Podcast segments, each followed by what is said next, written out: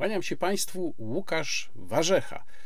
Zacząć muszę od ważnego ogłoszenia parafialnego, a mianowicie mam dobrą wiadomość dla tych z Państwa, którzy od dosyć dawna, było takich osób sporo, pytali o możliwość wsparcia kanału w inny sposób niż poprzez mechanizm YouTube. Ten mechanizm cały czas jest aktywny, można wesprzeć mój kanał klikając przycisk wesprzyj pod filmem, do czego oczywiście zachęcam, ale jest już też mechanizm alternatywny, to znaczy zrzutka. Zrzutka.pl pod prostym adresem zrzutka.pl ukośnik warzecha mogą Państwo wesprzeć mój kanał poprzez tak zwaną zrzutkę cykliczną. Co przemawia za tym, żeby to zrobić przez zrzutkę? No, po pierwsze, zrzutka to jest polski portal.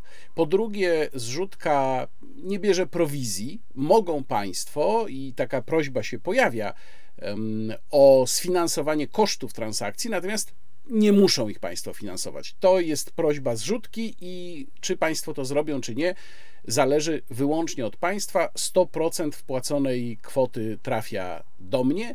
I teraz bardzo ważna prośba do moich dotychczasowych mecenasów. Gdyby Państwo chcieli przenieść się ze swoim mecenatem, z YouTube'a na zrzutkę, to po pierwsze mają Państwo dowolność, jeżeli chodzi o kwotę.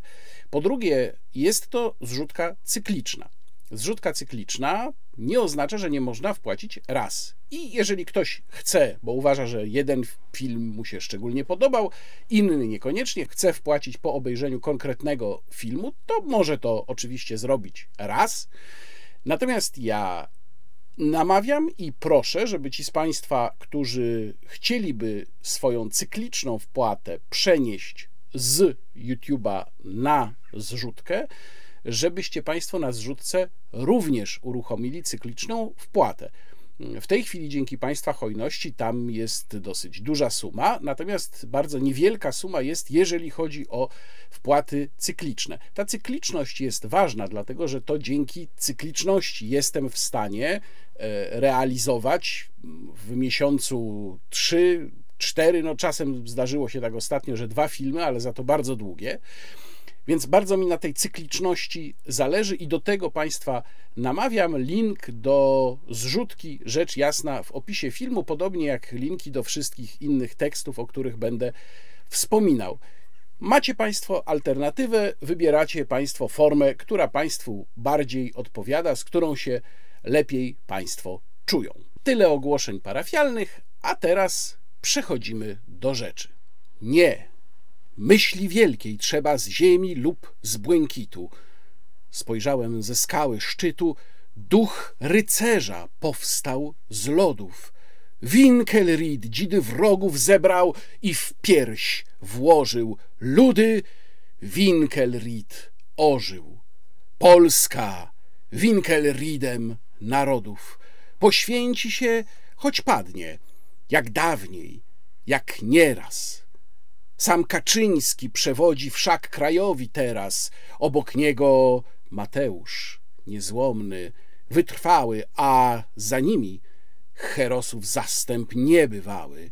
Jest Terlecki odważny i jest bystry Suski, jest i Sasin, któremu nie podskoczy Ruski. Michał Dworczyk pilnuje we dnie oraz w nocy, by nikomu nie zbrakło braterskiej pomocy – i Zalewska jest Anna, ludzie ją miłują, która firmy wytropi, co z ruskim handlują. Błaszczak w wojsku przewodzi jak Hektor pod Troją.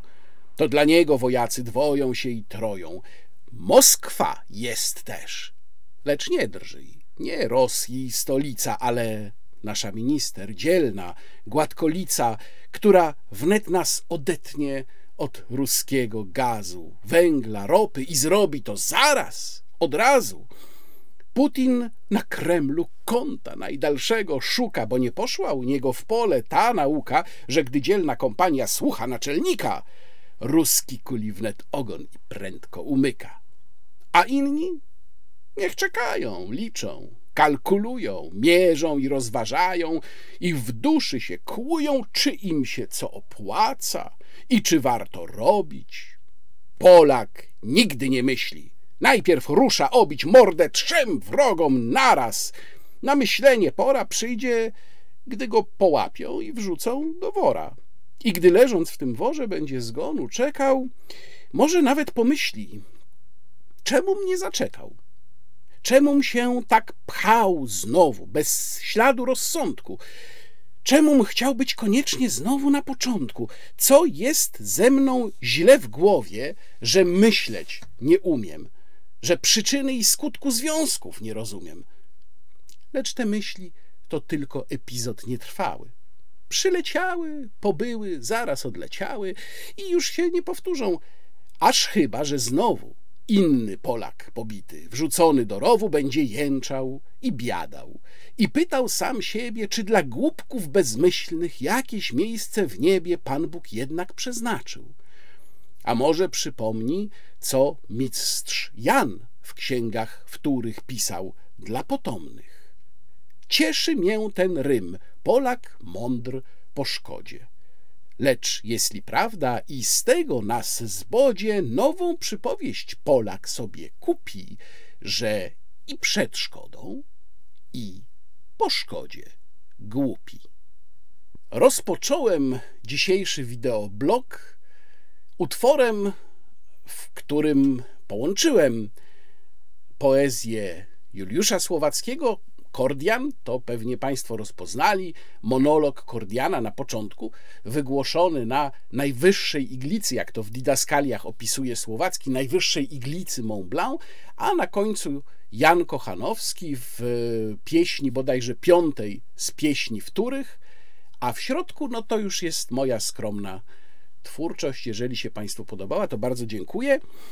O co chodzi z tym Winkelriedem i dlaczego ja przywołuję e, Arnolda Winkelrieda? Otóż Winkelried, którego sobie pożyczył Słowacki, nawiasem mówiąc, pożyczył sobie tego Winkelrieda, e, pisząc w roku 1833, trzy lata po wybuchu powstania listopadowego, w Genewie, co bardzo ważne, w bezpiecznym, ciepłym, przytulnym pensjonacie w Genewie, pisząc właśnie Kordiana w wieku 24 lat, Słowacki go pisał. E, I to jest taka e, lekcja, że zawsze się bardzo fajnie e, mówi o tym poświęceniu, o winkelridyzmie, jak samemu jest się bezpiecznym, tak jak bezpieczny właśnie był Juliusz Słowacki. Ten Winkelried, Arnold Winkelried, był szwajcarskim rycerzem, który wziął udział, ale to jest raczej legenda. Ta postać prawdopodobnie została wymyślona przez Szwajcarów co najmniej kilkadziesiąt lat po bitwie, no ale według legendy. Arnold Winkelried wziął udział w 1386 roku w bitwie pod Sempach, w której Szwajcarzy zwarli się z Habsburgami. I w tej bitwie Winkelried, tak jak to opisuje właśnie Słowacki, miał e, wysunąć się na początku bitwy na czoło i ściągnąć na siebie piki Habsburgów, habsburskich żołnierzy. W ten sposób dokonał wyłomu w e, szeregu wrogów i przez ten wyłom inni się wdarli, rozbili te formacje. Bitwę pod Sempach wygrali Szwajcarzy. To dla Szwajcarów jest bardzo ważna bitwa, e, a Winkelried no, jest dla nich mniej więcej takim bohaterem jak e, Wilhelm Tell. To jest bitwa, w której Szwajcarzy definiowali swoją niezależność, swoją niepodległość. Natomiast winkelridyzm, który został wynaleziony w romantyzmie, no to jest właśnie to Polska winkelridem narodów. My się poświęcimy. Bo coś takiego, proszę Państwa, właśnie robimy i o tym będę dzisiaj w wideoblogu dużo mówił. Oczywiście motywacje tak podejrzewam i o tym też będę mówił, nie są jakieś szczególnie szlachetne. To znaczy, oczywiście są ludzie, którzy mają takie motywacje, ale nie myślą, nie potrafią przewidywać konsekwencji. Jeżeli chodzi o polityków, to ja, prawdę mówiąc, w ich szlachetność nie wierzę. E, powiem Państwu potem, jak interpretuję te mm, działania. Tylko parę słów jeszcze na temat tego, co się dzisiaj w Polsce dzieje. Ja już o tym trochę mówiłem w poprzednim wideoblogu, ale myślę, że trzeba jednak o tym mówić więcej, cały czas.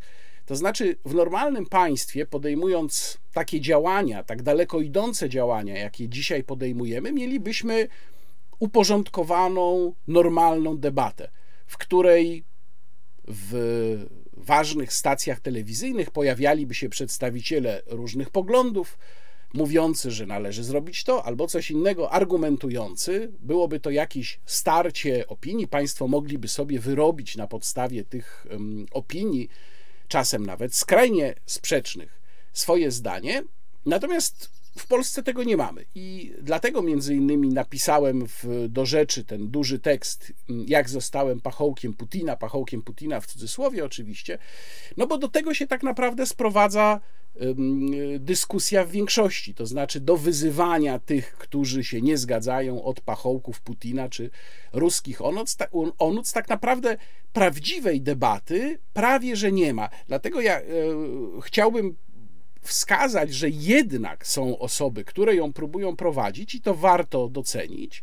Mm, no, przykład to jest chociażby Nowa Konfederacja, mm, Bartłomiej Radziejewski, z którym ja się też nie we wszystkich sprawach dotyczących naszej polityki obecnej zgadzam, ale e, Bartłomiej Radziejewski próbuje mimo wszystko prowadzić cywilizowaną debatę. E, inny przykład Marcin Kędzierski, z którym się z kolei właściwie kompletnie nie zgadzam. Marcin Kędzierski z klubu Jagiellońskiego, no ale Marcin no, mój znajomy, więc mówię Marcin, którego też obserwuje działalność w mediach społecznościowych, też nie przekracza pewnych granic, nie wypisuje na przykład pod moim adresem, że powielasz propagandę Kremla. My się mocno różnimy, ale Marcin trzyma pewien standard.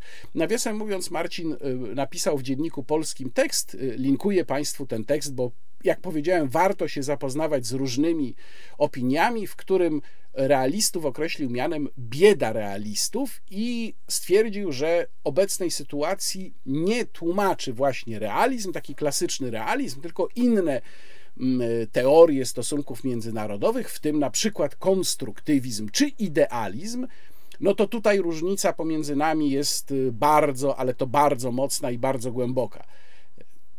Nie będę oczywiście Państwu tu robił wykładu z tego, czym jest idealizm, a czym konstruktywizm, czym realizm w stosunkach międzynarodowych, bo to by trzeba parę godzin na to poświęcić. Ale mówiąc w dużym uproszczeniu, realiści przyjmują pewne e,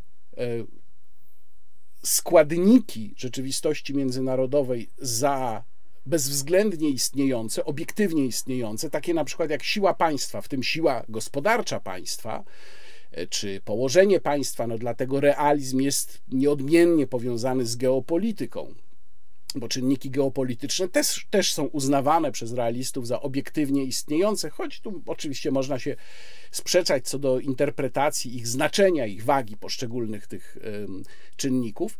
Natomiast realiści uważają również, że rzeczywistość międzynarodową dobrze opisuje, e, opisywał Thomas Hobbes, e, który twierdził i, i za tym poszli y, kolejni realiści, tacy jak czy to Hans Morgenthau, czy z tych bardziej współczesnych i kontrowersyjnych John Mearsheimer, czy, czy Henry Kissinger, że w rzeczywistości międzynarodowej nie ma jakiejś panującej powszechnie etyki, nie ma żadnej odgórnej instancji, która by ją porządkowała, jest po prostu rywalizacja sił. Natomiast konstruktywizm, który przywołuje Marcin, czy idealizm, który poniekąd jest pokrewny, no konstruktywizm to w ogóle jest prąd myślowy w stosunkach międzynarodowych wywodzący się z postmodernizmu, bo jak sama nazwa wskazuje, mówimy tutaj o pewnych konstruktach, to znaczy ktoś, kto jest konstruktywistą w stosunkach międzynarodowych, uważa, że to, co realista uważa za rzecz obiektywnie istniejącą, to jest pewnym konstruktem społecznym, że na przykład nie wiem, można powiedzieć, że Rosja jest jaka jest, bo taka jest mentalność Rosjan i, i można by ją zmienić, bo do tego się sprowadza konstruktywizm. No, na przykład elementy konstruktywizmu były też obecne w polityce Stanów Zjednoczonych prowadzonej za George'a Busha juniora, czyli jesteśmy w stanie tak przekonstruować mentalność niektórych narodów, że one się staną podobne do nas.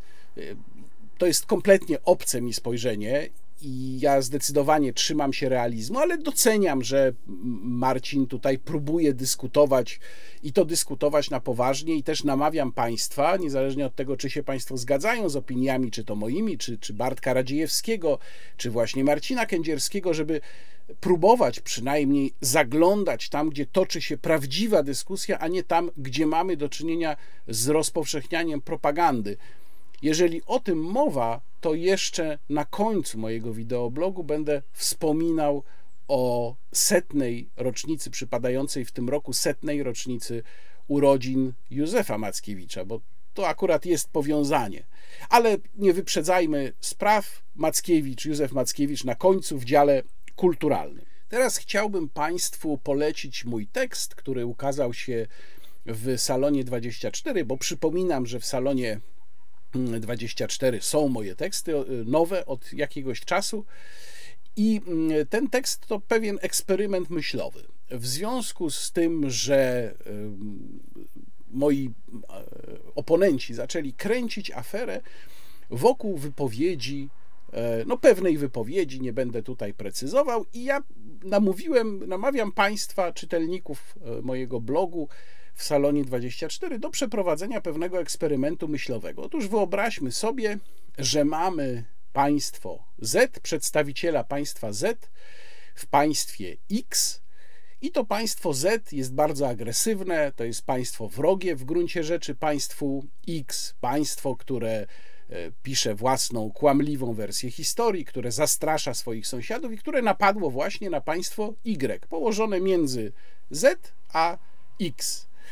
No i tam się toczy bardzo, bardzo brzydka, nieprzyjemna, brutalna wojna, nie w całym państwie Y, ale w jego części, niemniej bardzo brutalna. W związku z czym w państwie X narastają nastroje bardzo wojownicze. I teraz yy, przedstawiciel państwa Z ma za zadanie rzecz jasna działać na korzyść swojego państwa, na niekorzyść państwa X, tego, którego gości. No i widzi tutaj mówiąc w uproszczeniu, dwie postawy. Jedna to jest postawa taka: bierzemy szabelkę i tam uderzamy na państwo Z, rezygnujemy ze wszystkich surowców, odcinamy wszystkie związki, koszty są nieważne. Wszystko można zrobić, nie ma granicy, byle uderzyć w państwo Z. No to jest jedna postawa. A druga postawa to jest taka hola hola, no chwileczkę, pomyślmy, zastanówmy się, co nam się opłaca, potrzebujemy pieniędzy na wojsko, może nie ma sensu tak ze wszystkiego od razu rezygnować, może lepiej to zrobić z pewnym namysłem. No i teraz, jak są Państwo przedstawicielem tego państwa Z, no to która postawa jest z punktu widzenia państwa Z korzystniejsza? No oczywiście ta pierwsza, czyli ta hura z szabelką. Dlatego, że to oznacza mm, szybkie wypalenie się, osłabienie państwa, podejmowanie różnych błędnych decyzji, no bo nikt się nad niczym nie zastanawia, e, robienie wszystkiego na chybcika, nie analizowanie skutków tych decyzji i tak dalej, i tak dalej. I rzecz jasna, to jest dla państwa Z korzystniejsze. No a do tego jeszcze można powiedzieć, że jednym z celów tego przedstawiciela państwa mm, Z jest w ogóle to, żeby wzmocnić niepokoje, napięcia, wzmóc kłótnie w państwie X, tym państwie, którego przyjmuje. No i teraz, jak ten przedstawiciel państwa Z będzie działał, żeby wzmocnić ten pierw, tę pierwszą grupę, a osłabić tę drugą? No przecież nie może wyjść i powiedzieć, tak, oczywiście rację mają ci, którzy chcą się na nas rzucać z szabelką, bo byłoby to kompletnie kontrproduktywne. Czyli co trzeba zrobić? Przedstawiciel państwa Z wie, że w państwie X jest znienawidzony i jego państwo też jest znienawidzone. Czyli trzeba sprzedać pocałunek śmierci tym, którzy najbardziej państwu Z szkodzą. To jest chyba dosyć oczywiste. Więc przedstawiciel państwa Z gdzieś tam się pojawia i mówi: No, my bardzo szanujemy i współczujemy tym, którzy namawiają do namysłu, do pewnego spokoju. No to pokazuje, że w państwie X są jednak e, różni ludzie i różne opinie. No i oczywiście dalszy ciąg łatwo przewidzieć partia e, szabelkizmu porywa szabelki, krzyczy: Proszę bardzo, przedstawiciel państwa Z broni tamtych, no to już wiadomo, kto to jest. To jest moim zdaniem mechanizm tak naprawdę przejrzysty, że tylko kompletny idiota mógłby go nie zauważyć. No ale jak rozumiem, niektórzy go nie zauważają, i tutaj nawet termin idiota jest absolutnie słuszny bo mamy do czynienia z taką przewrotną wersją polijezdnych idiotów. Przypominam, towarzysz Lenin mówił Poliezny i idioty o tych przedstawicielach um, intelektualistów elity zachodniej, którzy e, no, wkrótce po powstaniu Związku Sowieckiego byli nim zachwyceni. Tam były w tym gronie różne bardzo szanowane osoby, jeszcze zresztą potem przed długi, przez długi czas, Pablo Picasso, Jean-Paul Sartre. I to byli właśnie pożyteczni idioci. Termin się utrzymał dłużej niż żył Lenin. No więc jak spojrzymy na naszą dzisiejszą rzeczywistość i na ten ostry spór w Polsce, e, ale schowany, bo główne media w ogóle nie chcą go zauważać. Na ten ostry spór, e, jak postępować, no to dokładnie to jest właśnie przejrzyste. Kto tu jest pożytecznym idiotą? Nie ten, kto mówi, hola, hola, zastanówmy się, pomyślmy i rozważmy skutki, tylko pożytecznym idiotą jest ten, który mówi, nie ma co myśleć, naprzód, naprzód. Tak, zwracam się do tych właśnie. To państwo są pożytecznymi idiotami państwa Z. Teraz mogę się zająć i będzie to głębsza i dłuższa analiza sprawą, którą uważam za bardzo istotną, czyli deklaracją pana premiera o odstąpieniu Polski od kupowania rosyjskich surowców energetycznych, czyli węgla, ropy i gazu. Przypominam, węgiel od kwietnia lub maja tego roku, natomiast ropa i gaz od końca czy do końca do końca tego roku. Najpierw chciałbym Państwu pokazać fragmenty wystąpienia pana premiera.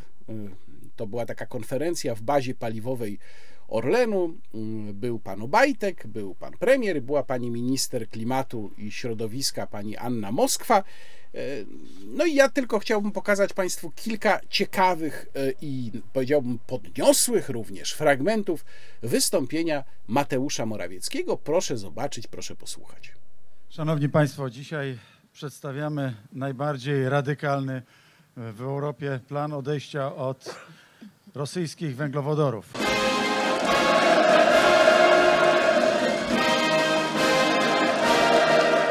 Dziś to narzędzie szantażu przekształciło się także w narzędzie wojny. I dlatego wzywamy wszystkich w Europie, aby poszli w nasze ślady. Na czym będzie polegał nasz plan derusyfikacji e, węglowodorów w gospodarce polskiej? Po pierwsze, przyjęliśmy na Radzie Ministrów plan odejścia od węgla i zrobiliśmy to po wielu wezwaniach Komisji Europejskiej do natychmiastowego działania. I robimy to wbrew tamtym zasadom, które są ustanowione. Więc mam nadzieję, że cała polska klasa polityczna, wszystkie polskie media patriotycznie wesprą również to działanie. Pomimo, że nie ma na to zgody ze strony Unii Europejskiej, nie ma na to zgody ze strony Unii Europejskiej, nie ma na to zgody ze strony Unii Europejskiej. Przyjęliśmy odpowiednią ustawę na Radzie Ministrów, kierujemy ją na, do parlamentu i wraz z podpisem pana prezydenta nałożymy całkowite embargo na węgiel, a więc mam nadzieję, że kwiecień, najpóźniej maj będzie to całkowite odejście od węgla rosyjskiego. Ale wzywamy także do tego wszystkich innych Niemców i inne państwa Europy Zachodniej, które jeszcze cały czas pozyskują ten surowiec z Rosji. Punkt drugi to odejście od rosyjskiej ropy. Ale i tutaj pokazujemy najbardziej radykalny plan w Europie odejścia od rosyjskiej ropy do końca tego roku. Będziemy robili wszystko, żeby do końca tego roku odejść od rosyjskiej ropy i rosyjski gaz. Dlatego także tutaj w tym roku pokazujemy plan derusyfikacji w obszarze gazu. Ale teraz wyobraźmy sobie, Szanowni Państwo, taki scenariusz. Polska zaprezentowała bardzo radykalny plan odejścia od rosyjskich e, surowców. Nie chcemy tej zależności. Ale inni, nie robiąc sobie nic z wojny, z okrucieństwa wojny, z agresji rosyjskiej na Ukrainę, z szantażu. Korzystają z tych surowców. Dlatego wzywam dzisiaj również Komisję Europejską do tego, żeby ustanowiła podatek od rosyjskich węglowodorów.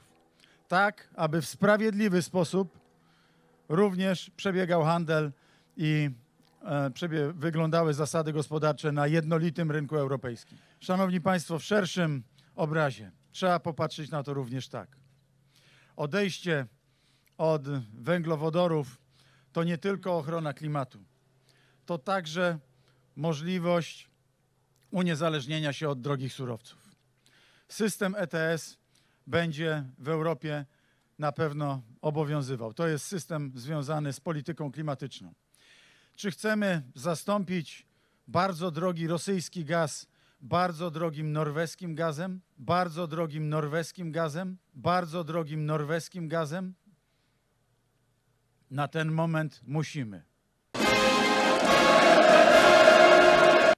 Ale w dłuższej perspektywie chciałbym, abyśmy nie płacili bardzo bogatym Norwegom za ich bardzo drogi gaz, a nawet jak on stanieje. Też nie chcę, żebyśmy płacili za ich gaz. Co to oznacza? To oznacza, że powinniśmy mieć w podstawie, energetycznej podstawie, elektrownie gazowe, elektrownie węglowe, włączane po to, żeby prąd był w momencie, kiedy nie możemy używać innych źródeł energii, odnawialnych źródeł energii. Dlatego dziękuję pani minister za taki wspaniały, rozbudowany plan również tworzenia energetyki odnawialnej.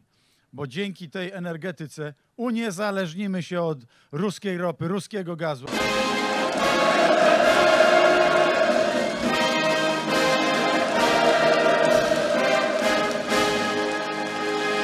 Ale także od innych państw, które dziś, dzisiaj nie stanowią żadnego zagrożenia i w przyszłości też nie będą stanowiły żadnego zagrożenia. Ale nie chcemy kupować od nich drogich surowców.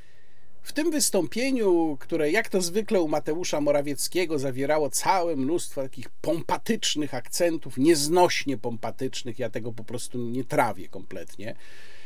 I um, część z tych akcentów wyciąłem, no, zostawiłem tylko jak najwięcej treści. Zwracają uwagę takie trzy miejsca charakterystyczne. Pierwsze miejsce to jest wtedy, kiedy pan premier mówi: Wyobraźmy sobie taki scenariusz, że my rezygnujemy, żeby dać ten przykład, rezygnujemy z zakupu rosyjskich surowców, ale inni kupują nadal. No i pan premier powiedział: Wyobraźmy sobie ten scenariusz i co dalej? Bo dalej mówi: mm, Chcemy, żeby Komisja Europejska wprowadziła podatek od rosyjskich węglowodorów. No fajnie. Tylko pan premier jakby nie pociągnął tego scenariusza, o którym nam sam powiedział. To znaczy, panie premierze, i co wtedy? I co jeśli my damy ten wspaniały przykład, jak Winkelried narodów, prawda? A inni się postukają w głowę, powiedzą, zrobimy to, owszem, może kiedy będziemy mogli, prawda? A nie od razu i nie wtedy, kiedy Polska nam powie. I co wtedy? Tu pan premier nie wyjaśnił. E, druga sprawa, no to właśnie kwestia tego podatku od węglowodorów, zadziwiający pomysł. I e, trzecia kwestia, pan premier tam powiedział taką bardzo dziwną rzecz. To znaczy, że my mamy mieć elektrownie węglowe i gazowe po to, żeby one nam produkowały prąd, kiedy nie będziemy mogli używać odnawialnych źródeł energii. To ja się zastanawiam, czy pan premier w ogóle zdaje sobie sprawę z tego, jaki, do jakiego miksu energetycznego my dążymy i jak bardzo nie jest możliwe w Polsce, żeby mieć cały prąd z odnawialnych źródeł energii, bo to, co pan premier powiedział, brzmiało tak, jakbyśmy my co do zasady mieli mieć cały prąd z OZE, a tylko w niektórych przypadkach się podłączali do tych e, rezerwowych elektrowni. No więc nie wiem, czy pan premier nie wie, o czym mówi. Właściwie to jest dosyć prawdopodobne. I jeszcze tutaj bardzo ważna uwaga, którą właściwie powinienem wygłosić, powinienem był wygłosić na początku tej e, części. Nie ma sporu co do tego, czy rezygnować z zakupu rosyjskich surowców. To moim zdaniem trzeba zrobić, po prostu dlatego, że nie mamy tutaj do czynienia z, z normalną relacją handlową. Rosja używa i używała i będzie używać swoich surowców, których ma bardzo dużo, jako y, elementu polityki. Y, I to jest zupełnie normalne. Zresztą inne państwa też tak robią, tylko że no w przypadku państwa demokratycznego inaczej to trochę y, wygląda niż w przypadku Rosji. Więc tak, kierunek jest jak najbardziej słuszny, żeby było jasne. Ja tego kierunku nie kwestionuję. Ja kwestionuję metody i tempo, w jakim to się odbywa. I za chwilę zresztą będę dokładnie analizował i pokazywał Państwu, dlaczego uważam, że jest to bez sensu.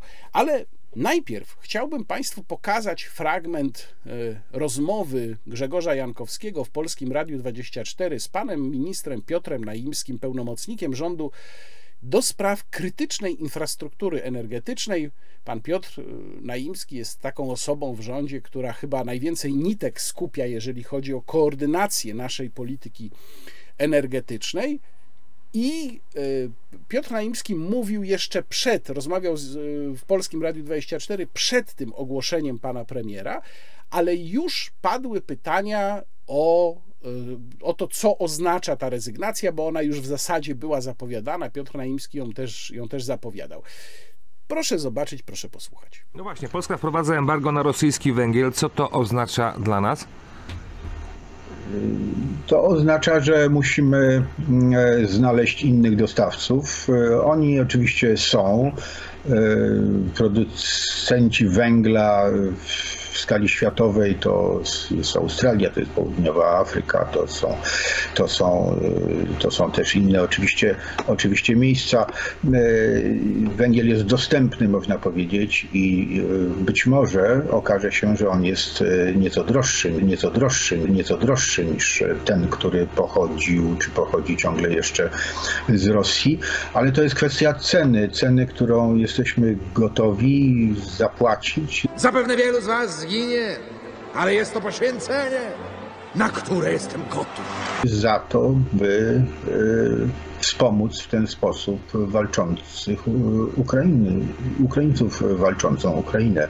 A odstawianie surowców rosyjskich, no cóż, oznacza, że E, że trzeba je zastąpić e, czym innym i to nie odnawialnymi, ciągle niestabilnymi źródłami energii, jeżeli chodzi o produkcję prądu elektrycznego, tylko trzeba szukać dla Europy innych źródeł e, dostaw gazu czy dostaw ropy naftowej. Baltic Pipe, czyli ten gazociąg do Norwegii przez Danię pod Bałtykiem, on będzie już przysyłał gaz do Polski jesienią e, tego roku. E, kończymy połączenia ze Słowacją, z, z Litwą. Panie ministrze, a czy w tej całej zawierusze wojennej, w tym co się teraz dzieje na świecie, można powiedzieć, jak będą kształtowały się ceny paliw w najbliższych miesiącach, paliw i energii? Czy one będą rosły dalej do góry? One, znaczy trudno jest w tej chwili wyrokować, jak będą się kształtowały ceny e, surowców. I to jest podstawa, dlatego że to zależy od tego, e, jak szybko ustabilizuje się rynek gazu w Europie, a to jest uzależnione od tego, jak szybko to otrzeźwienie w Europie, głównie zachodniej, przełoży się na praktykę. E, terminale, czyli gazoporty przyjmujące skroplony gaz w zachodniej Europie, one mogą przyjąć teoretycznie tyle gazu, ile Europa przy, potrzebuje z różnych źródeł, od różnych producentów. Tylko, że wymaga to e, no, szeregu, wprawdzie niewielkiej skali, ale szeregu inwestycji, które e, wzmocnią połączenia tych gazoportów z systemami przesyłowymi, e, czyli gazociągami w Europie e, Zachodniej. I to zabierze czas. To może zabrać rok czy, czy, czy dwa lata, rok czy, czy, czy dwa lata, rok czy, czy, czy dwa lata. Można się obawiać, że, że y, w Europie będziemy mieli mniej gazu, a to oznacza, że jego cena może być ciągle wysoka. Jego cena może być ciągle wysoka. Jego cena może być ciągle wysoka. Jeżeli chodzi o ropę naftową, to jest kwestia e, z, zwiększenia produkcji ropy naftowej w tych mm, miejscach, gdzie jej się produkuje na świecie najwięcej. To jest Bliski Wschód, to jest Arabia Saudyjska, to są Emiraty, ale także to jest Wenezuela, także to są Stany Zjednoczone.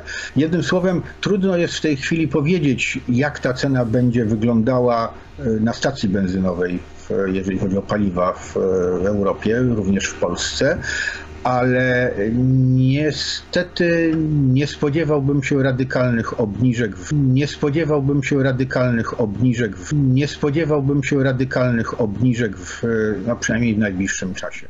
No więc e, to jest dosyć zabawna rozmowa, bo po pierwsze, Pan Piotr Naimski mówi tam, że nie mamy zastępować y, tego, co nam dają rosyjskie surowce, niepewnymi i chwiejnymi odnawialnymi źródłami energii. To chyba się nie dogadał z Mateuszem Morawieckim, bo narracja pana premiera, którą Państwo przed chwilą słyszeli, no była jednak mocno odmienna. Natomiast pytany, i zresztą no, muszę z przykrością to powiedzieć, bo przecież znam Grzegorza Jankowskiego, znamy się od lat, no niedociskany niestety przez prowadzącego rozmowę, e, Piotr Naimski w sposób dyplomatyczny sygnalizował, że będzie po prostu drogo. To znaczy powiedział e, o węglu, no zapewne będzie droższy, o gazie, no wysoka cena, zresztą to pan premier też mówił przecież, że drogi norweski gaz. I o ropie, hmm, no nie spodziewałbym się radykalnych obniżek. Myślę, że pan minister Naimski, jak skończy mu się ta rola, którą w tej chwili pełni w rządzie, to mógłby dużą karierę zrobić w dyplomacji E, zwłaszcza ta ostatnia odpowiedź mi się spodobała. Jak powiedzieć ludziom, że będzie nieprawdopodobnie drogo, jeżeli chodzi o, o benzynę? No a benzyna to przecież wiemy, że to jest wszystko, wszystko inne. No powiedzieć, nie spodziewałbym się radykalnych obniżek. Eufemizmy są częścią dyplomacji. Panie ministrze, brawo, tak, tak, to mi się podoba. I teraz przechodzę do próby odpowiedzi na kilka pytań, na które rząd nie odpowiada. I nie odpowiadają również eksperci, ci, którym ja również zadawałem to pytanie, mm, ale także ci, którzy pracują dla polskiego rządu. Ja przeczytałem dwa ciekawe raporty dotyczące tego odejścia od rosyjskich surowców. Pierwszy raport to Forum Energii. E, link do raportu e, linkuję Państwu i z Forum Energii właśnie wziąłem część tych wykresów, które będą Państwo widzieli. Drugi raport to Polski Instytut Ekonomiczny, to mm, Instytut Państwowy, ten sam, który miał stać za genialnym polskim wałem. I tutaj od razu mówię, że niektóre dane dotyczące procentowych udziałów rosyjskiego importu, czy też wielkości importu, w ogóle one się trochę różnią i pomiędzy tymi raportami, i pomiędzy tym, co dzisiaj słyszymy, a tym, co y, jest w tych raportach, bo tam są dane już sprawdzone, które na przykład pochodzą y, sprzed roku czy sprzed dwóch lat. Y, to nie są takie ogromne różnice, ale wyjaśniam skąd się te rozbieżności biorą. Przykładowo dotyczy to kwestii wolumenu, czy właściwie odsetka ropy, którą my e, kupujemy z Rosji, ponieważ podawane wartości w raportach przekraczają 60%, 63, 65 i to są te udokumentowane wartości. Dzisiaj słyszymy o tym, że te wielkości są niższe, że to już jest y, ponad 50%, ale nie ponad 60%. Y, zaznaczam to, bo mogą się Państwo z tymi rozbieżnościami w różnych miejscach spotkać. Ja tutaj będę cytował to, co w raportach się pojawia. Otóż pierwsze pytanie na które w ogóle rząd nie odpowiada, to jest jak ta jednostronna decyzja uderzy w Rosję. No bo jeżeli się podejmuje decyzję, która będzie bardzo brzemienna w skutki dla własnych obywateli, no to należałoby założyć, że rząd ma to przemyślane, to znaczy potrafi ocenić e, i wyważyć, jak bardzo ta decyzja uderzy realnie w Rosję, bo taki jest nasz cel no chyba trudno traktować jednak poważnie stwierdzenie, że my dajemy przykład i niech za naszym przykładem pójdą inni, no bo to naprawdę byłby już jakiś chory winkelridyzm, więc, więc nie, no rozumiem, że i mamy prawo to jako obywatele zakładać, że jeżeli coś się ma dziać naszym kosztem, to przyniesie jakiś wymierny efekt. No więc jaki może być ten efekt? Spójrzmy w dane. Otóż ja tutaj odwołałem się do kwestii ropy, bo ropa uderzy w nas najbardziej. Kwestia e, rezygnacji z importu ropy uderzy w nas najbardziej. Otóż w 2020 roku Rosja eksportowała, to jest mówię o z całego wolumenu eksportu ropy. 32,8% eksportu ropy szło do Chin. Można spokojnie założyć, że ten, ta część, ten odsetek się powiększy i pewnie już się powiększył od czasu, kiedy te dane były, były badane, były sprawdzane. 13% szło do Holandii, 8,7% do Niemiec, 6,9% do Korei Południowej, a 5,8% do Polski. I to było 4,18 miliarda dolarów. Tyle myśmy zapłacili w 2020. Czyli wynika z tego zupełnie jasno, bo my od tego czasu, jeszcze od tego 2020 roku, jeszcze zmniejszyliśmy ten nasz import z Rosji do Polski, ropy. Czyli wynika z tego, że my jak zrezygnujemy z ropy, o czym za chwilę będę mówił, to uderzy nas to bardzo, natomiast Rosja tego właściwie nie odczuje.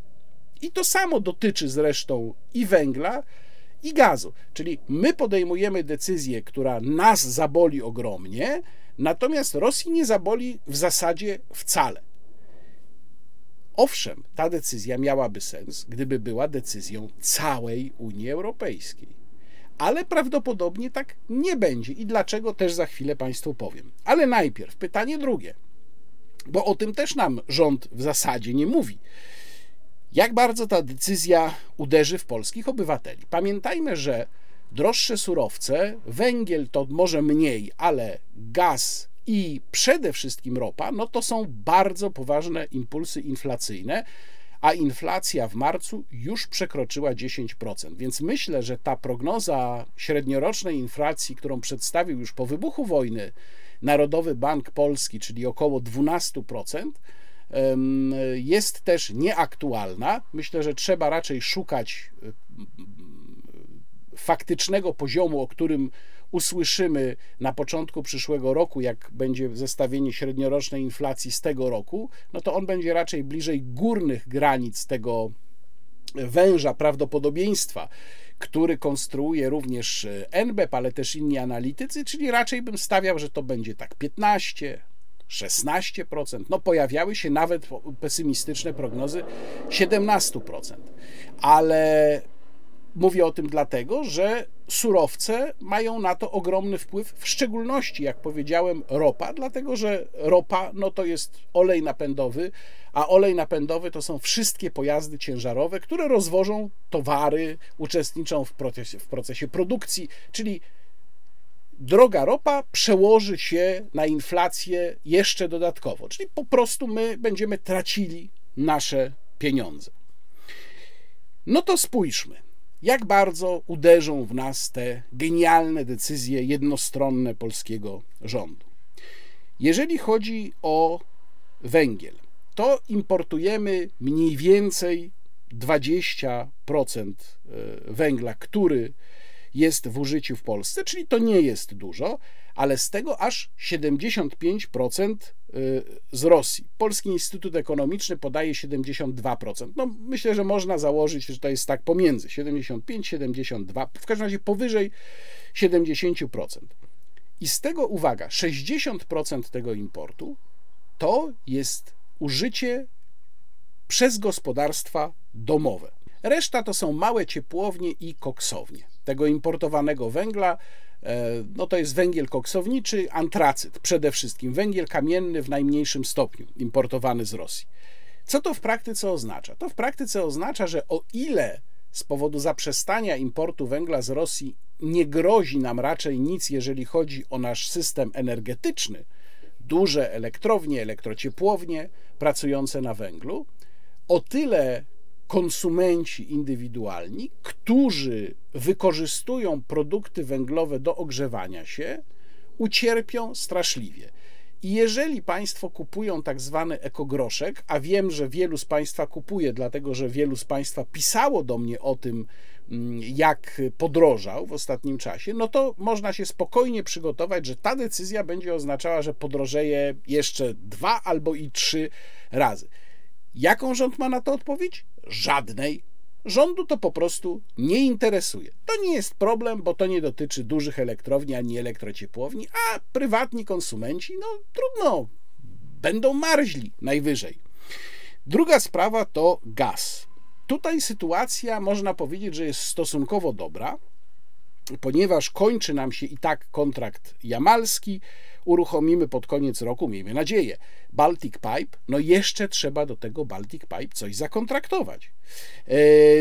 I tutaj pan premier przecież bardzo wyraźnie mówił, norweski gaz jest bardzo drogi. My zresztą jeszcze tego kontraktu nie mamy. Mamy e, Baltic Pipe, który może przetransferować 10 miliardów sześciennych, e, metrów sześciennych gazu rocznie, czyli to jest tyle, ile nam dostarcza Gazprom. To jest dobra wiadomość, bo to znaczy, że jesteśmy w stanie zastąpić kontrakt z Gazpromem transferem przez Baltic Pipe, tylko że ten transfer oczywiście będzie um, dużo droższy. No i wreszcie mm, ostatni, y, ostatnia pozycja, najgorsza zdecydowanie w tym zestawieniu, to jest ropa. Tak jak powiedziałem wcześniej, szacunki są różne. No, z całą pewnością mamy 50% importu ropy to jest z Rosji y, i niektórzy mówią, niektóre raporty mówią, że 65, 63, no załóżmy, że to jest pomiędzy powiedzmy 55 a 63 gdzieś tutaj pewnie się mieści w tej chwili to, ile mm, importujemy z Rosji w całości naszego importu, a nasz import no to jest w zasadzie całe użycie, zużycie ropy w Polsce, bo nasze wydobycie jest tak śladowe, że, że właściwie go nie ma. Można powiedzieć, że cała ropa, której używamy, w zasadzie jest z importu, czyli można też powiedzieć, że rosyjski import no to jest spokojnie powyżej połowy ropy, którą y, zużywamy. W 2019 roku było to 27,2 miliona y, ton. Mamy naftoport. Przepustowość naftoportu jest na tyle duża, że on pozwoliłby nam sprowadzać więcej ropy i na przykład sprzedawać ją innym krajom, bo ma przepustowość 40 milionów ton, czyli to jest no, mm, wyraźnie więcej niż to nasze roczne zużycie w 2019 roku. Y, Orlen i Lotos po fuzji mają łącznie potrzebować 26 milionów ton, czyli jak mówię, tutaj jeżeli chodzi o przepustowość jesteśmy zabezpieczeni, ale na pewno nie jesteśmy zabezpieczeni, jeżeli chodzi o cenę tego, co będziemy importować. O tym za chwilę jeszcze mówił, będę mówił więcej. Ale mamy jeszcze jeden problem. Otóż niedaleko polskiej granicy, we wschodnich Niemczech, są dwie rafinerie: Lojna i Szwed. Obie te rafinerie są zasilane e, odnogami rurociągu Przyjaźń, który idzie przez Polskę i są zasilane ropą wyłącznie rosyjską. Obie te niemieckie rafinerie pracują wyłącznie na rosyjskiej ropie. I teraz, jeżeli my odetniemy sobie pod koniec roku rosyjską ropę, no to te dwie rafinerie będą pracować na ropie ewidentnie dużo tańszej niż to, co my będziemy musieli kupować. A to oznacza, że będą, i to jest zupełnie oczywiste, że będą dostarczały tańszy towar do Polski. No i będą miały do tego prawo, no bo to jest wolny rynek wewnątrz Unii Europejskiej. Więc można sobie wyobrazić, że mamy sytuację, w której wszędzie tam, gdzie benzynę czy olej napędowy będzie dostarczał Orlen, ceny będą na przykład o 30, 40, może nawet więcej groszy, może i na, o złotówkę będą wyższe niż y, na tych stacjach. Pewnie to będą jakieś mniejsze sieci, pewnie prywatne, gdzie ropę, gdzie benzynę i olej napędowy będą dostarczały te niemieckie rafinerie. No pytanie, czy to będzie zjawisko y, zasięgające tylko zachodniej Polski, czy też y, w całej Polsce tak będzie. No i w momencie, rzecz jasna, kiedy się ten szok cenowy związany z rezygnacją z ropy rosyjskiej zacznie, no to podejrzewam, że ludziom będzie naprawdę kompletnie wszystko jedno, czy benzyna jest z ropy rosyjskiej, czy z innej, będą patrzyli po prostu na to, gdzie jest tańsza i tam będą ją y, kupować. Jest oczywiście jeszcze możliwość taka, że polski rząd weźmie szabelkę, uderzy w rurociąg przyjaźń i zakręci dopływ rosyjskiej ropy do tych niemieckich rafinerii, bo mamy techniczną możliwość, żeby to zrobić, tylko że to oznacza ostry i radykalny spór z Niemcami, mm, którzy prawie na 100% nie zrezygnują z tej rosyjskiej ropy w przypadku tych dwóch rafinerii. No oczywiście, co z tym problemem począć, polski rząd rzecz jasna nie mówi. No i wreszcie pytanie trzecie. Jeżeli my tak wspaniale daliśmy przykład, to kto za tym przykładem pójdzie, proszę Państwa? No mamy y, kraje, które już zakręciły całkowicie rosyjskie surowce, ale jakie to są kraje? No na przykład to jest Litwa, taka wiadomość się pojawiła, że Litwa już rezygnuje całkowicie z rosyjskiego gazu. Tylko, że Litwa to miała rosyjskiego gazu 43% swojego importu. Litwa jest malutkim krajem i ten malutki kraj ma taki pływający terminal, gazoport w Kłajpedzie. I Litwini sobie wyliczyli, że im wystarczy, jeżeli do tego gazoportu przypłyną trzy gazowce w miesiącu i oni mają zapewnione, zapewnioną obsługę, oni mają zapewniony gaz. Więc dla nich rezygnacja z gazu nie jest problemem, ale byłaby już rezygnacja z ropy. I z ropy, proszę Państwa, Litwa nie rezygnuje. Dlaczego? Dlatego, że to jest 79% importu litewskiego. Więc ci z Państwa, którzy mi piszą na Twitterze, proszę, Litwini zrezygnowali z rosyjskiego gazu, to polecałbym, żeby się zainteresowali tym, kiedy Litwini zamierzają zrezygnować z rosyjskiej ropy. Proszę zadać sobie to pytanie i spojrzeć na statystyki. Inny przykład e, Wielka Brytania, która zamierza zrezygnować z rosyjskiej ropy do końca roku. No to jest mniej więcej tak, jakbym ja powiedział, to jest prawie tak, jakbym ja powiedział, że ja rezygnuję z kupna Ferrari. Nie zamierzam kupić Ferrari. Proszę bardzo. I co Ferrari na to? No bo w Wielkiej Brytanii, proszę Państwa, to rosyjska, rosyjska ropa to jest niecałe 4% zużycia a Wielka Brytania sama ma złoża ropy, więc sama ma dużą produkcję ropy własnej, z własnej ropy i z tej ropy rosyjskiej to sobie może od tak zrezygnować. To jest zupełnie inna sytuacja niż nasza.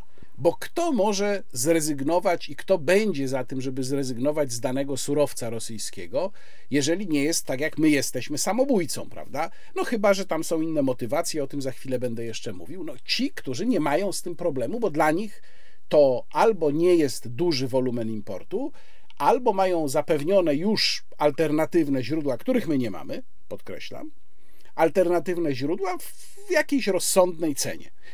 No ale, jak powiedziałem, nie wszyscy mogą tak zrobić. Spójrzmy e, najpierw na ropę. Powiedziałem już, że Litwa to 79% importu z Rosji. Ale to nie jest rekord, bo rekordowa jest Finlandia. Finlandia to 92% importu z Rosji. Węgry 75%. Polski Instytut Ekonomiczny podaje, że oni zmniejszyli ten import. W tej chwili to jest 60% wolumenu importu w ogóle. Sześć krajów w Unii Europejskiej działa niemal wyłącznie na rosyjskim gazie: Węgry, Czechy, Słowacja, Finlandia, Łotwa i e, Estonia. Problemem jest niski poziom gazu w zbiornikach. Problemem jest brak zdolności przesyłowych. To nawet Piotr Naimski w tej rozmowie w Polskim Radiu 24 tak bez konkretów mówił, że nie ma rurociągów. No to między innymi jest kwestia zdolności przyjmowania gazowców na przykład przez Hiszpanię, która ma tutaj duże możliwości, ale jednocześnie nie ma dobrego połączenia mm, rurociągowego z Europą Zachodnią, z Hiszpanii i rozbudowanie tego rurociągu, który tam jest, a który ma jakąś bardzo niewielką przepustowość, to jest kwestia paru lat. Tego się nie da zrobić tak, jak my byśmy chcieli natychmiast. Bo Polska robi to natychmiast, no już idźcie za nami natychmiast. No właśnie nie natychmiast. Więc niski poziom gazu w zbiornikach w Unii Europejskiej, słaba infrastruktura, jeżeli chodzi o możliwości przesyłania z jednego miejsca mm, do drugiego.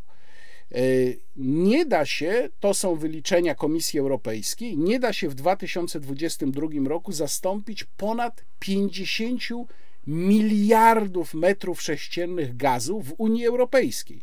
E, a inne propozycje, które przedstawia Komisja Europejska, jeżeli chodzi o zastąpienie, no to są na przykład zwiększenie wydajności odnawialnych źródeł energii. No, czyli też są takie trochę z sufitu brane. Ale te ponad 50 miliardów jest po prostu nie do zastąpienia w tym roku. Mm, dalej mamy, to z kolei podaje Polski Instytut Ekonomiczny, niska podaż węgla na światowych rynkach. Tu znów niezgoda z tym, co mówił minister Naimski, bo on mówi, jest węgiel A Polski Instytut Ekonomiczny mówi, no owszem, no są kraje, które wydobywają, rzeczywiście te, o których wspominał, między innymi te, o których wspominał minister Naimski, czyli jest y, RPA, jest Australia, ale ta podaż węgla jest niska. Australia na przykład musiałaby ją dopiero znacząco zwiększyć, żeby stać się poważnym eksporterem węgla, czyli tutaj również jest problem. Podsumowując, nie jesteśmy w stanie, czy Unia Europejska nie jest w stanie takich decyzji podjąć na szybko. Kierunek jest dobry, natomiast to trzeba robić z głową, rozważnie, e, dać czas na rozbudowanie infrastruktury, dać czas na przestrojenie niektórych instalacji. Przecież tak jest z rafineriami. Tam, jak są mocno różniące się gatunki ropy, które, rafinerie ma, które rafineria ma przerabiać, to trzeba te instalacje przestawić. To też zajmuje czas.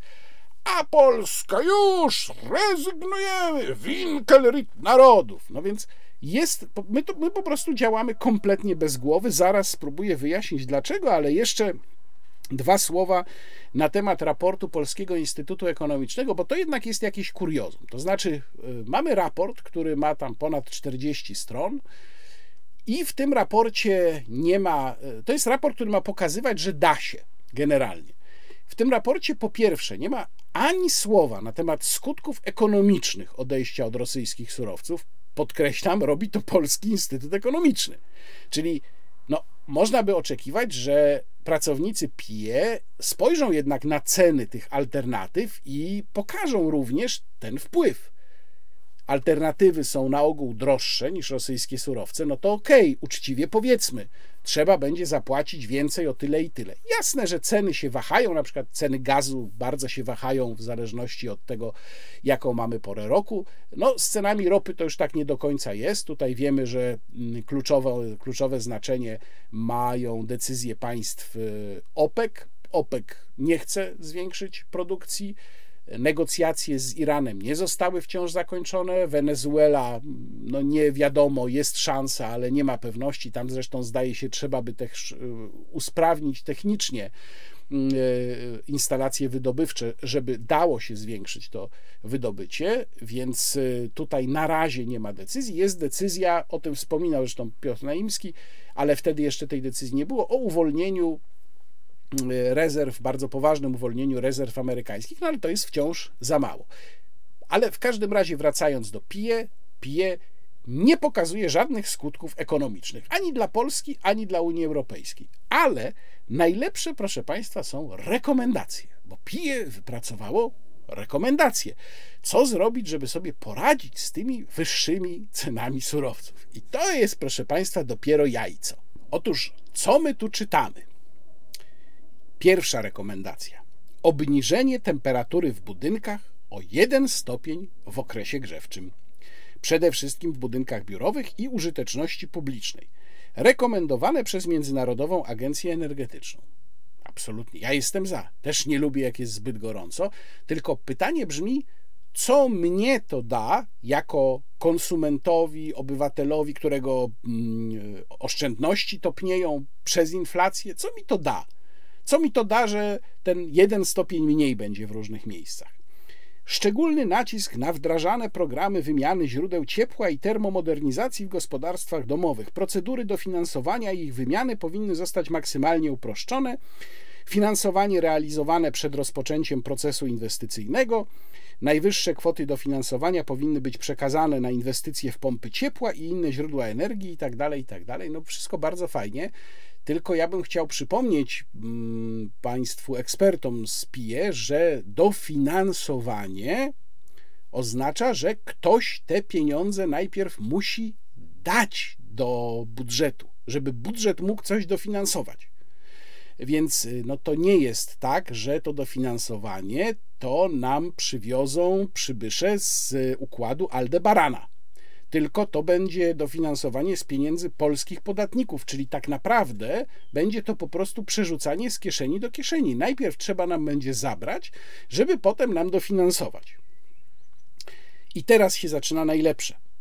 Właściwe zarządzanie systemem transportu zbiorowego i jego popularyzacja może mieć znaczący wpływ na zmniejszenie popytu na paliwo. Czyli, krótko mówiąc, polityka zmuszania ludzi, żeby się przesiadali do transportu zbiorowego. Wdrażanie małych zmian w zachowaniach kierowców samochodów osobowych, co może obniżyć popyt na paliwa. Wśród nich wymienia się m.in. ekologiczną jazdę, odpowiednie ciśnienie w oponach i usuwanie zbędnych, zwłaszcza ciężkich przedmiotów z samochodu, wspólne podróżowanie do pracy. Przypominam, to pisze Polski Instytut Ekonomiczny, państwowa instytucja zajmująca się analizami ekonomicznymi. Poziom tej rekomendacji jest mniej więcej taki, jak takich tekstów na dużych portalach w działach samochodowych, które się regularnie pojawiają i w zasadzie są kopiami samego siebie. Znaczy, co zrobić, żeby oszczędzić paliwo? Eksperci podpowiadają rewolucyjny, niesamowity sposób. Usuń zbędne rzeczy z bagażnika. No to jest taki poziom właśnie. No i teraz uwaga, to jest najlepsze, punkt piąty. Wprowadzenie niższych limitów prędkości na autostradach oraz ewentualne wprowadzenie ograniczeń w przemieszczaniu się samochodów osobowych. Na przykład w parzyste dni mogą poruszać się osoby z parzystymi numerami rejestracyjnymi. Polski Instytut Ekonomiczny. Za nasze pieniądze, proszę Państwa. Przechodzę teraz do tego, o co tu właściwie chodzi. No bo można sobie zadać pytanie. Przecież Morawiecki i jego ludzie muszą rozumieć, że jeżeli zrealizują to, co właśnie zapowiedzieli, to skutkiem będzie radykalne zubożenie ogromnej części Polaków i to im nie pomoże. No przecież mają w 2023 roku wybory. No więc można się zastanawiać, o, o, co tutaj chodzi, dlaczego oni to robią, dlaczego właściwie sami strzelają sobie w ten sposób w stopę. Mm, no i wyjaśnienia mogą być następujące. No pierwsza sprawa to pytanie, czy ten plan w ogóle zostanie zrealizowany. Bo padła deklaracja, ale to nie znaczy, że ta deklaracja zostanie na 100% spełniona. Może się okazać, że występują jakieś obiektywne trudności, jakieś opóźnienia, nie da się tego zrobić. Myśleliśmy, że się da, no ale nie da się, a poza tym nie ma pozytywnych sygnałów od naszych partnerów unijnych, my to już wiemy, no więc tak nie za bardzo. I tak może się to rozpłynąć. Ja, prawdę mówiąc, bym chciał, żeby to się tak rozpłynęło, bo powtarzam jeszcze raz, uważam, że to ma sens pod warunkiem, że jest to robione w skali całej Unii. I na przykład cała Unia dokonuje wspólnych zakupów surowców i potem według jakiegoś tam algorytmu to, co zakupione po niższej cenie jest dzielone. To by wtedy miało sens. Natomiast jednostronnie nie ma żadnego sensu. O co w takim razie tutaj może chodzić? Pierwsza sprawa, i to jest dla mnie zupełnie jasne, to jest wina, to jest odpowiedź na absurdalne zarzuty opozycji, która oczywiście też ma zwykłych Polaków i ich sytuację gdzieś ale cały czas trąbiła, że oto pisowski rząd kupuje krwawe surowce. No to pisowski rząd wyszedł i powiedział: przestajemy kupować krwawe surowce.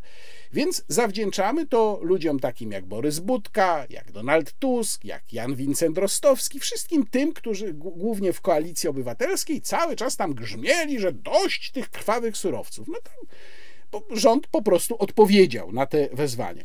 Myślę, że chodzi też o to, że Morawiecki jedzie na fali i umacnia swoją pozycję poprzez ucieczkę do przodu i poprzez ofensywne działania. Prawdopodobnie chodzi tu też o jakąś taką moim zdaniem złudną całkowicie nadzieję, że Polska będzie jakimś rozgrywającym w tej chwili w Unii Europejskiej, że będzie narzucać ton. Myślę, że tutaj też zresztą nastawienie Jarosława Kaczyńskiego ma mm, y, duże znaczenie. Natomiast z całą pewnością nie chodzi tutaj o żadne względy moralne, o żadną słuszność i tak dalej. No tak bądźmy poważni, spójrzmy w te zmrużone oczy Mateusza Morawieckiego i zapytajmy sami siebie, czy ten człowiek w ogóle może się takimi względami kierować. Ja natomiast przypominam, że ten spór to ogólnie rzecz biorąc jest spór, jak powiedziałem, nie o to, czy w ogóle rezygnować tak, uniezależnić się. Nawet nie wiem, czy tam kompletnie rezygnować, może jakieś małe wolumeny w przyszłości,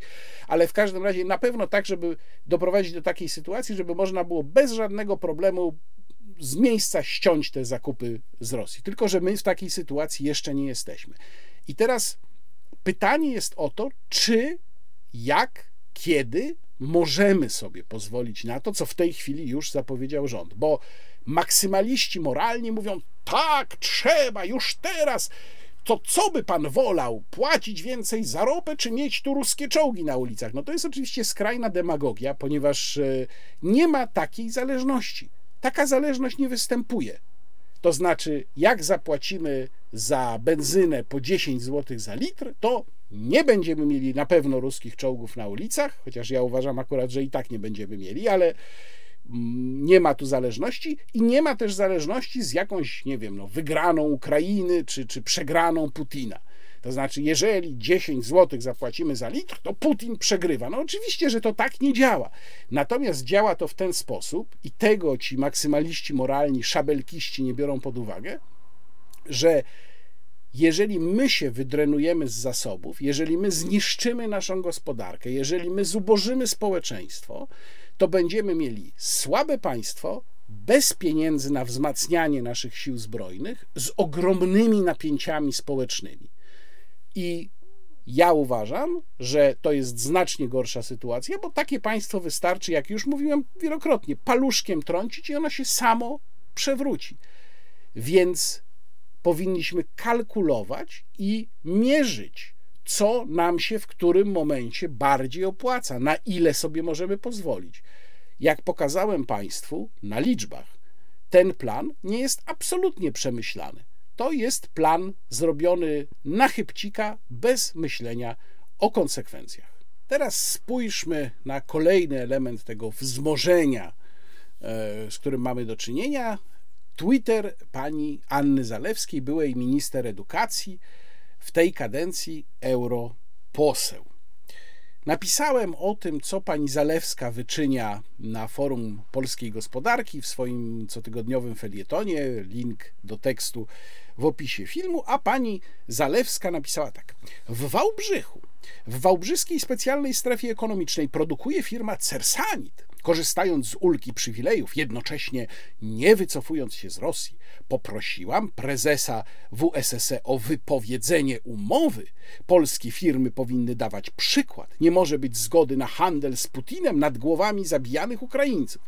Czyli co pani mm, europoseł zrobiła? Pani europoseł chce, żeby bez żadnego formalnego powodu e, Wałbrzyska Specjalna Strefa Ekonomiczna wypowiedziała umowę legalnie działającej polskiej firmie, której produkcja i działalność przynosi zyski polskiemu budżetowi, który to polski budżet jest nam potrzebny po to, żeby się uzbroić, po to, żebyśmy byli bezpieczni i żebyśmy byli w stanie odstraszyć w przyszłości Rosję, ale pani europoseł Zalewska robi to z bardzo wygodnej pozycji w Parlamencie Europejskim, pozycji, w której można niewiele robić i wyłącznie podlizywać się naczelnikowi. Ja tylko przypomnę, że europoseł zarabia netto około 7 tysięcy euro miesięcznie. I z tymi 7 tysiącami euro w kieszeni pani europoseł e, żąda, żeby bez żadnego powodu konkretnego wypowiedzieć umowę o działalność w specjalnej strefie ekonomicznej w Wałbrzychu firmie Cersanit. No to ja coś wyjaśnię pani europoseł, chociaż podejrzewam, że ona się po prostu nad tym kompletnie nie zastanawia. Otóż Cersanit, y, bardzo duża polska firma, zainwestowała y, w Rosji, dlatego że przez wiele lat, właściwie aż do 24 lutego, inwestycja polskiej firmy w Rosji była uważana za powód do chwały.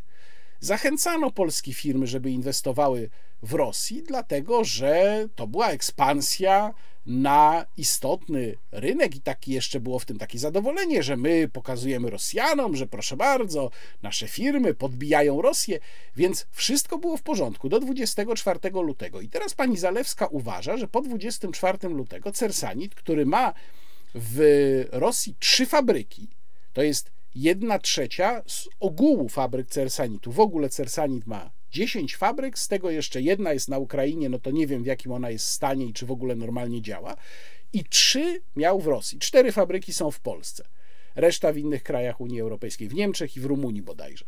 Otóż y, pani Zalewska sobie wyobraża, że w ciągu miesiąca Cersanit weźmie kluczyk, zamknie trzy fabryki na kluczyk, bye bye, bye do widzenia. Trzeba być albo kompletną ignorantką, już nie powiem mocniej, albo być totalnym cynikiem, żeby w ten sposób widzieć duży biznes. E, szanowna pani europoseł, fabryki się nie zamyka od tak na kluczyk w ciągu miesiąca jeżeli w ogóle nawet należałoby ją zamknąć, bo ja mam co do tego duże wątpliwości. Fabrykę, fabryka ma e, swoich pracowników, podpisane z nimi umowy, podpisane kontrakty, kary umowne do zapłacenia w przypadku zerwania tych e, kontraktów, ma produkcję, która już została wyprodukowana i z którą coś trzeba zrobić i trzeba ją sprzedać, a poza tym mówimy o Rosji, czyli o kraju, gdzie jeżeli by Cersanit zostawił na przykład swoje nieruchomości, to one prawdopodobnie zostaną przez państwo rosyjskie zajęte. I pani europoseł od tak domaga się, żeby Cersanit się w praktyce pozbył po prostu jednej trzeciej swoich fabryk, no bo do tego się sprowadza to żądanie. Przepraszam, muszę tutaj powiedzieć, ja staram się nie używać takich słów, ale jednak w tym wypadku chyba się nie powstrzymam. Jak bezczelnym babskiem trzeba być, żeby wysuwać takie żądanie pod adresem legalnie działającej polskiej firmy, zatrudniającej Polaków, przynoszącej zyski polskiemu budżetowi. Pani Zalewska, proszę zapamiętać, mówię do tych, którzy głosowali w okręgu dolnośląskim w wyborach do Europarlamentu na panią Zalewską, albo którzy kiedykolwiek mogliby mieć okazję zagłosować na nią, jeżeli jeszcze będzie w jakichś wyborach startować. Proszę sobie to zapamiętać. Jak europosłanka z siedmioma tysiącami euro miesięcznie w kieszeni żąda, żeby od tak duża polska firma pozbyła się jednej trzeciej swoich zakładów produkcyjnych. Wreszcie kolejna sprawa, która mogła Państwu umknąć, a jednak uważam, że jest bardzo istotna. Mówiłem poprzednim wideoblogu dużo o uchodźcach. Wszyscy się zastanawiali, jaki właściwie jest koszt tego, że my uchodźców z Ukrainy sprowadziliśmy i daliśmy im uprawnienia takie same, jak mają polscy obywatele. Mówiłem o tym w poprzednim wideoblogu, pokazywałem że dyrektywa unijna z 2001 roku o uchodźcach wymaga od nas znacznie mniej niż myśmy uchodźcom przyznali. No i tak się złożyło, że kilka dni temu było spotkanie pana ministra Grzegorza Pudy. Tak dobrze Państwo pamiętają, to jest minister, ten, ten były minister rolnictwa od piątki dla zwierząt, taki koniunkturalista, e, który teraz stoi na czele Ministerstwa Funduszy i Polityki Regionalnej. On się spotkał z komisarzem Unii Europejskiej panem Nikolasem Schmidtem, komisarzem do spraw zatrudnienia, spraw społecznych i wyrównywania szans, no tak się nazywają te funkcje w Komisji Europejskiej. I tam była rozmowa o unijnej pomocy w związku z obecnością uchodźców w Polsce. A przypomnę, że my koszty ponosimy, nie dostaliśmy konkretu żadnego, jeżeli chodzi o finansową pomoc. Wciąż ani z Unii Europejskiej, ani ze Stanów Zjednoczonych, ani znikąd indziej. Ani centa, ani jednego euro, ani jednego grosza. Nic. I pan e, minister Puda na tym spotkaniu mm, stwierdził, że uwaga, tylko w tym roku przyjęcie uchodźców, ich integracja, dokładnie był to tweet, który Państwo tu widzą, integracja uchodźców, zapewnienie dla nich dostępu do systemu świadczeń socjalnych, usług publicznych i rynku pracy to uwaga 24 miliardy złotych. 24 miliardy złotych. To jest ponad połowa tego, co rocznie wydajemy na 500, bo to jest koszt około 40-41 miliardów złotych.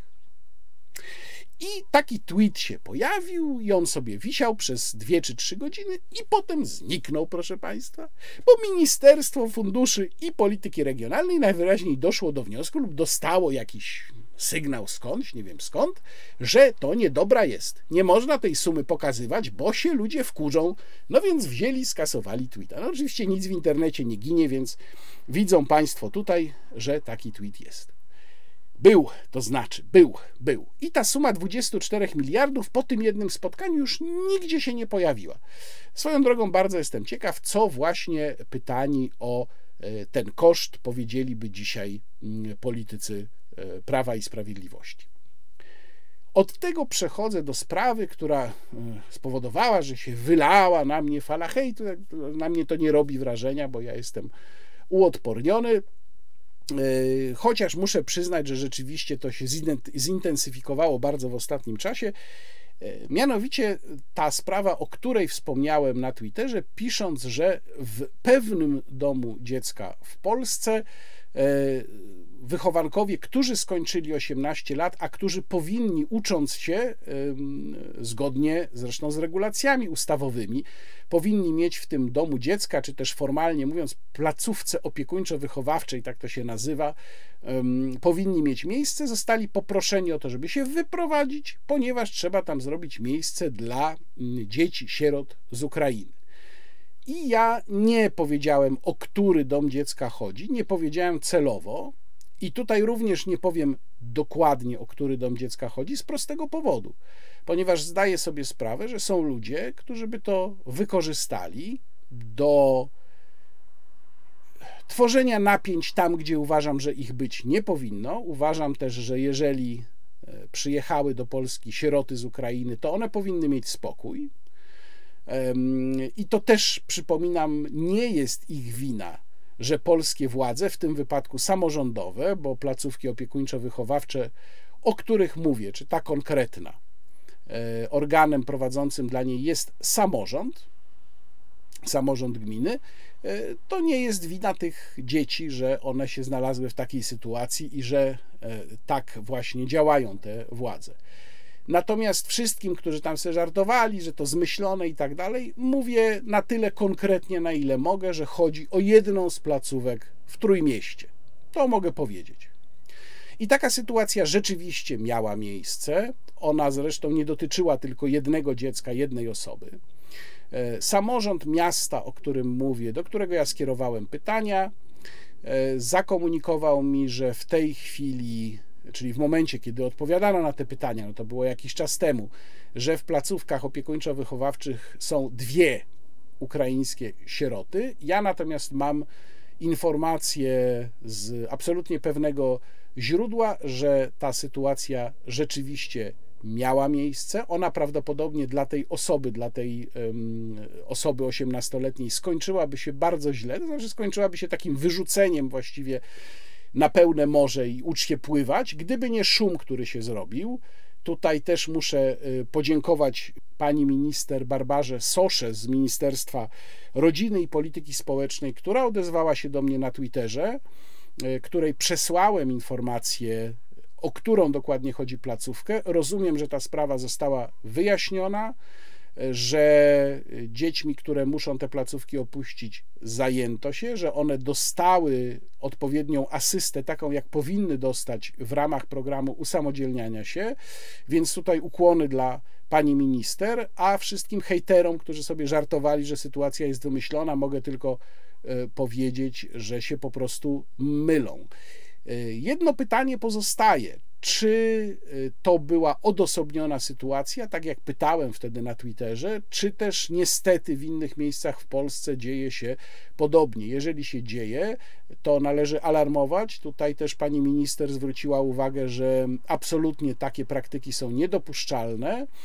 Więc jeżeli nawet organem prowadzącym, no bo w przypadku tych placówek opiekuńczo-wychowawczych organem prowadzącym właściwie zawsze jest albo starostwo, albo właśnie urząd gminy, e, ewentualnie urząd wojewódzki, ale to chyba rzadko, one nie podlegają władzy centralnej, w tym sensie, że ona nie jest dla nich organem prowadzącym, tak jak nie jest dla szkół, ale rząd tutaj ma coś do powiedzenia.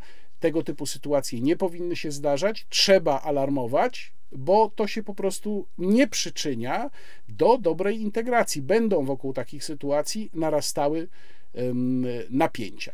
Wreszcie kilka słów o nadchodzącej rocznicy 10 kwietnia. Bo ja się trochę boję tego, co się 10 kwietnia tego roku wydarzy, a właściwie co zostanie powiedziane.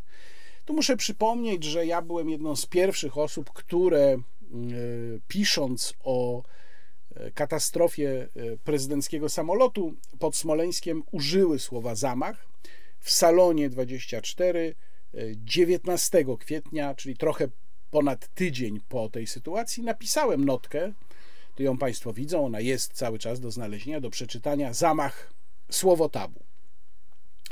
I przez te wszystkie lata e, utwierdzałem się w swoim smoleńskim agnostycyzmie. Ja w tej notce stwierdziłem, że tej wersji, tej, tego scenariusza nie można wykluczyć. Natomiast przez te wszystkie lata przekonałem się, że na pewno nie można go też potwierdzić. Mimo różnych wysiłków, mimo różnych badań robionych pod tezę, no wiemy też, że doszło w związku z tym do pewnego rozłamu w środowisku bliskim Antoniemu Macierewiczowi. I teraz, kiedy słyszę Jarosława Kaczyńskiego, który wychodzi i mówi, że to właściwie jest zupełnie pewne, że to jest potwierdzone, że Rosjanie mu zabili brata, a wiem, że nic takiego nie mogło się wydarzyć, ani nie mogło zostać znalezione, co by nagle potwierdziło tę wersję, nie mogło po prostu dlatego, że my nie mamy dostępu do kluczowych dowodów, a nie mamy ich, bo je mają w rękach Rosjanie. Po prostu. I mówiłem to już bardzo dawno temu, że jedyną szansą na to, żeby ewentualnie poznać e, prawdę o Smoleńsku byłoby, gdyby Rosjanie się nią z nami podzielili. Tak jak w pewnym momencie za Jelcyna postanowili przyznać, że to oni popełnili zbrodnię katyńską. No to gdyby tutaj było jakieś przekonujące wyjaśnienie, ale go nie ma i być go nie może. Więc Jarosław Kaczyński nie mógł dostać żadnych nowych faktów. Pytanie brzmi, co Jarosław Kaczyński będzie mówił i co będą mówili ludzie wokół niego 10 kwietnia, w tej sytuacji, w jakiej jesteśmy. I tu ja już parę razy podnosiłem tę sprawę w wideoblogach tych ostatnich, zwłaszcza tych od momentu, kiedy wybuchła wojna na Ukrainie. Uważam, że trzeba uwzględnić, choć nie jestem wielkim zwolennikiem takiego podejścia, to też mówiłem wiele razy. Trzeba uwzględnić w przypadku Jarosława Kaczyńskiego coraz bardziej pewien czynnik psychologiczny w tym, co on robi. I w tym sensie boję się tego, co może paść 10 kwietnia, bo jesteśmy naprawdę na krawędzi, jesteśmy w sytuacji, w której zalecana jest jak najdalej idąca ostrożność, a nie sądzę, żeby Jarosław Kaczyński miał chęć tę ostrożność zachowywać. Mało tego, jego ostatnie deklaracje, jego wypowiedzi w różnych miejscach utwierdzają mnie w przekonaniu, że element osobistej motywacji w tym, co naczelnik robi i w, którym, w którą stronę kieruje polskie państwo, że ten element niestety może być bardzo ważny. No i wreszcie na koniec, spinając ten e, wideoblog pewną klamrą, chciałbym wrócić do Józefa Mackiewicza, którego stulecie urodzin obchodziliśmy 1 kwietnia. Józefa Mackiewicza odkryłem dawno, dawno temu. To było jeszcze, z tego co pamiętam, pod koniec szkoły średniej, kiedy książki Mackiewicza, no tam wiemy, że też były problemy z wydawaniem ich w Polsce, książki Mackiewicza zaczęły się w Polsce pojawiać i przeczytałem jego powieść Kontra, powieść o kozakach, E, którzy walczyli po stronie niemieckiej, a którzy w wyniku zdrady aliantów zostali wydani Sowietom. I ta powieść dla mojego ówczesnego, takiego bardzo naiwnego światopoglądu była wstrząsem. W ogóle nie chciało mi się wierzyć, że coś takiego mogło się zdarzyć. Jak to? E, Brytyjczycy złamali dane słowo, zachowali się jak zdrajcy tak bardzo. Nie, nie, nie, niesamowite to mi się nie mieściło w głowie. No dzisiaj wiem, że tak, to Mackiewicz opisywał rzeczywiste wydarzenia, oczywiście ubierając je w formę literacką, ale rzeczywiste wydarzenia. Tylko prawda jest ciekawa. Wiemy, że to jest chyba najsłynniejsze wypowiedziane przez niego zdanie. Zresztą podobnie jak opisywał prawdziwe wydarzenia w wielu innych swoich powieściach. No, na przykład w powieści, która zrobiła na mnie olbrzymie wrażenie, nie trzeba głośno mówić, która jest tak naprawdę powieścią, jakby ktoś chciał y, zobaczyć, dlaczego Józef Mackiewicz był przez wszystkich traktowany jako ciało obce, to właśnie powinien przeczytać Nie trzeba głośno mówić. No, to jest powieść będąca ogromnym oskarżeniem pod adresem polskiego państwa podziemnego. Tam zresztą znajduje się na przykład opis zbrodni litewskiej w Ponarach o której wciąż bardzo mało się wie, no bo przecież Litwini nasi bracia, prawda? Inna prawdziwa historia, którą Mackiewicz zawarł w genialnej swojej powieści Sprawa pułkownika Miasojedowa, to y, słynne bombardowanie e, Drezna, dywanowy nalot na Drezno w 1945 roku, na początku 1945 roku, takie no, słynne Morze Ognia, bo to były bomby zapalające, E, tysiące ofiar i e, przez lata mówiło się, że no to przecież było usprawiedliwione, prawda, bo Niemcy byli zbrodniarzami. Mackiewicz opisuje to w sposób, który chyba nie pozostawia wątpliwości, że uważa to bombardowanie za zbrodnię. Generalnie rzecz biorąc, Mackiewicz był wierny tej swojej dewizie, że tylko prawda jest ciekawa i nikomu się nie kłaniał i w tym sensie podziwiając absolutnie jego talent y, literacki, jego determinację, y, jego konsekwencje w poglądach takich no, skrajnie antykomunistycznych, które zresztą moim zdaniem też prowadziły go trochę na manowce, tak jak w książce Watykan w cieniu Czerwonej Gwiazdy, choć patrząc na to, co się dzisiaj dzieje, w Watykanie, to też już trochę może inaczej patrzę na tę książkę niż wtedy, kiedy czytałem ją pierwszy raz. Y, w każdym razie y, Mackiewicz był niczyj. Józef Mackiewicz był niczyj. I dlatego, kiedy widzę dzisiaj przedstawicieli tej władzy, którzy robią akademię ku czci Józefa Mackiewicza, z udziałem pani Elżbiety Witek, to myślę sobie, że Mackiewicz się musi w grobie przewracać.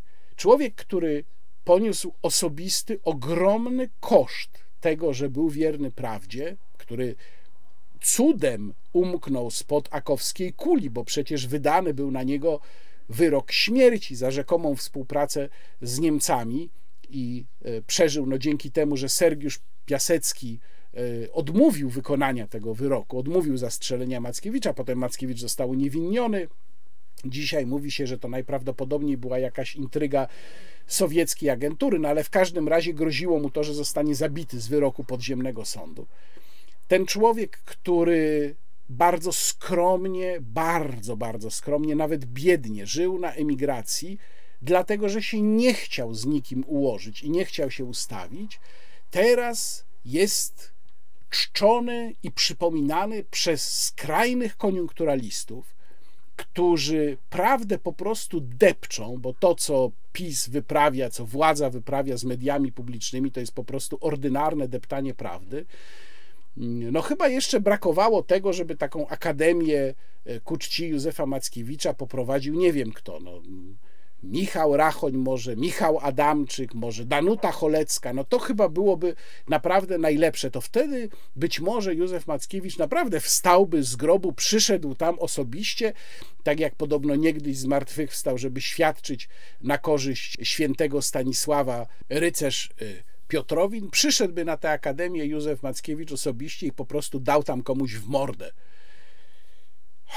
Przepraszam za te być może mocne słowa, które tutaj teraz padły i tam wcześniej też w pewnym momencie w wideoblogu, ale to naprawdę trudno zachować spokój, kiedy się obserwuje tak skrajną bezczelność i obserwuje się, jak ta władza robi sobie PR, robi sobie popularkę, robi sobie własne polityczne korzyści naszym kosztem.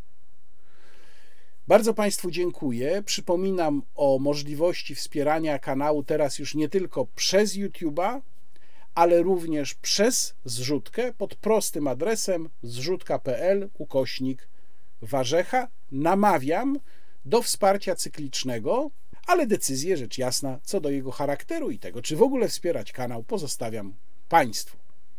Kłaniam się, Łukasz Warzecha. Do zobaczenia.